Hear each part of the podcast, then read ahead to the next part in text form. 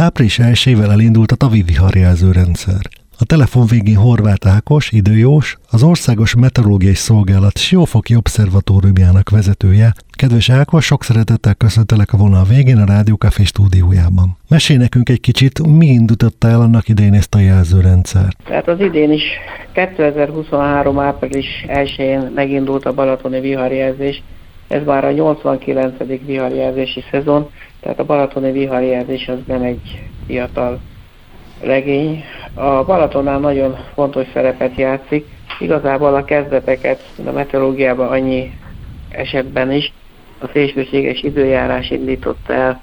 A 30-as években, 1930-as években, amikor már Magyarország úgy kezdett valamelyest talparálni, akkor a Balaton népszerűsége fokozatosan, vagy talán lehet mondani, hogy ugrásszerűen, a korábbiakhoz képest ugrásszerűen megnőtt. Ennek aztán az lett a következménye, hogy egymás után szedték a viharok az áldozatok, áldozatokat.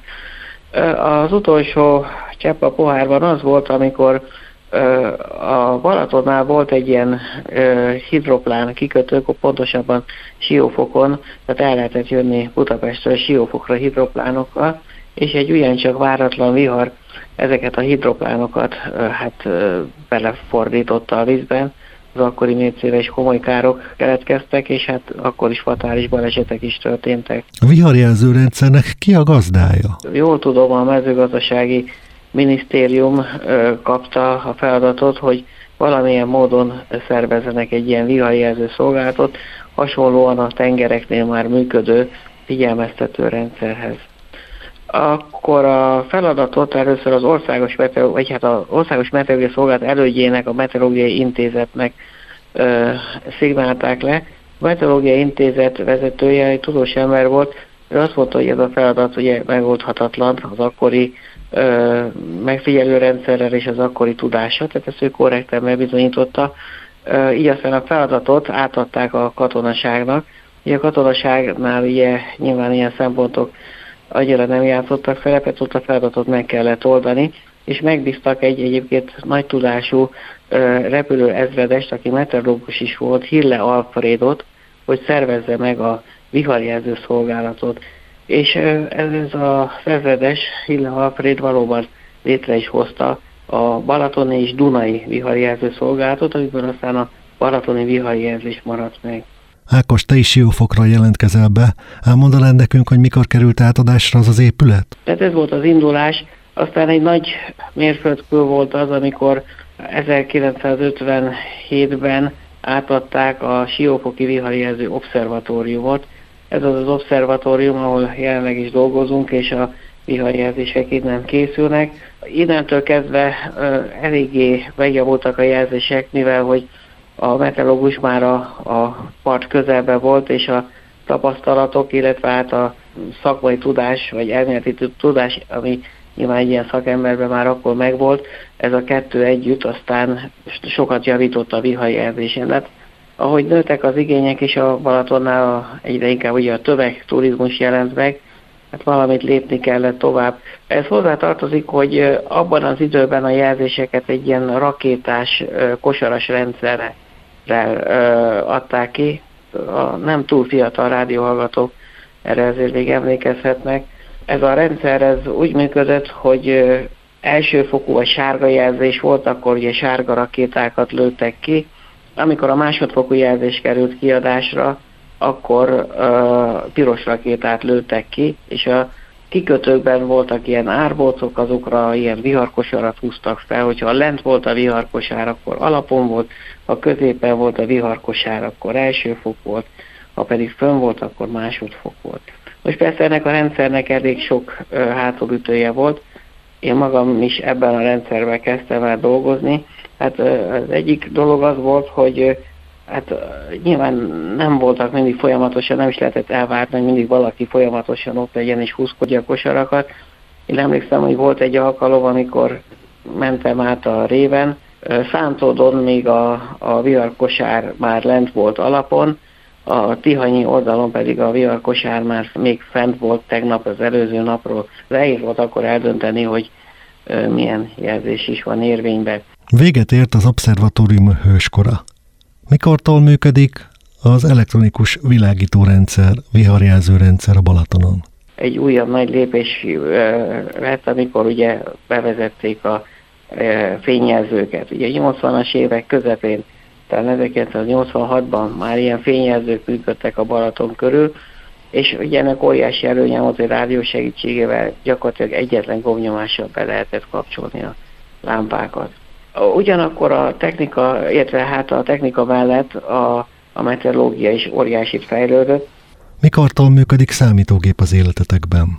A számítógépek és a számítógépes előrejelzések megjelenésével már egyre finomabban e, tudták a meteorológusok előrejelezni az olyan finom légköri folyamatokat, amelyek már akár a Balaton nagyságával is összemérhetőek voltak. Tehát korábban azt tudták, hogy jött egy ciklon, vagy jött egy hidegfront, akkor rossz idő lesz, de hogy ez mikor ért ide, mekkora szeret okoz, hát azt csak becsülni lehetett. Ahogy a számítógépes rendszerek elterjedtek, és hát a fejlődésnek is indultak a programok, ezek a, az előrejelzések ö, lényegesen jobbak lettek. Tehát ezt lehet szidni most is a viharjelzést ö, ö, szokták is, egyébként nem a vitorlások által, inkább a horgászok, de azt azért senki ö, sem tagadhatja le, hogy ö, az elmúlt 15-20 évben óriási változás ment végben. Ez az obszervatóriumban is ö, meghozta gyümölcsét, az elmúlt néhány évben sikerült ide is beszereznünk egy szuper számítógépet, amely képes arra, hogy a légköri folyamatokat leíró egyenleteket megoldja, és nagy felbontása. Ez teszi lehetővé, hogy hát meglehetősen pontosan tudunk már kiadni jelzést, és ami épp olyan fontos, meglehetősen pontosan le is tudjuk venni a jelzést. Tehát nem kell órákat várni ahhoz, hogy a jelzés lekerüljön, amikor már nem indokolt, hogy fent legyen. Most a jelzésekről értesítést hogyan szerezhetünk? Hát ugye, amint említettem, a legnyilvánvalóbb, és ezt ugye mindenki ismeri, hiszen aki, fel, aki hajóval megy ki, és még jogosítványa is van, az tudja, hogy a, a viharjelzők, lámpák, azok az szerint villognak, hogy milyen jelzés van. Ugye az, a percenkénti 45 felvillanás jelzi az elsőfokú viharjelzést. Az elsőfokú viharjelzés az ugye még a korábbi hajózási szabályzatban se volt ez tisztán leírva, talán nem árt, ha most elmondom, az konkrétan azt jelenti, hogy várható erős szél, tehát 40 és 60 km per óra közötti széllökés a következő ö, órákban. Hogyha a másodfokú viharjelzés érvényes, tehát a lámpák percenként 90-et villognak, az azt jelenti, hogy a legerősebb széllökések meghaladhatják a 60 km per órát, tehát viharos széllökés várható. Itt megint megjegyezném azt, hogy a technika azért fejlődik, és hát ugye a mobil alkalmazások is egy újabb mérföldkövet jelentettek. Hát mindenkinek ajánlom, aki komolyan hajózik, hogy használja az OMS, tehát OMS Meteora nevű alkalmazást. Ez, ennek az előnye nem csak az, hogy megmondja, hogy milyen az aktuális viharjelzés, hanem mindjárt mellette meg tudjuk nézni a prognózist és az előrejelzést. Tehát amikor mi kiadunk egy viharjelzést, ahhoz tartozik egy előrejelzés. És a, az egy praktikus dolog, hogyha látom, hogy másodfokú viharjelzés van, akkor megnézem a hozzátartozó előrejelzést, és akkor kiderül, most egy 60 kilométert éppen elérő céllökésekről van szó, tehát mint tudom, egy refeléssel megúszom a dolgot, vagy pedig egy 120 kilométeres divatarlánc követ, közeledik a Balatonhoz, amikor pedig hát jobb még a nagy hajókkal is minél hamarabb a parthoz menni. A viharjelzés április 1-től egészen ö, október végéig megy, tehát ö, valamikor ö, még pár évvel korábban, májustól ment szeptemberig, ezt aztán meghosszabbították, ezt a periódust, tehát most ö, április 1-től október 31-ig működik a Balatonnál a viharjelzés. Kedves Ákos, nagyon szépen köszönöm, hogy itt voltál velünk. Köszönöm a lehetőséget, minden jót kívánok! Minden jót, drága hallgatóink! Horváth Ákos időjóst hallottuk, az Országos Meteorológiai Szolgálat Siófoki Obszervatóriumának vezetőjét.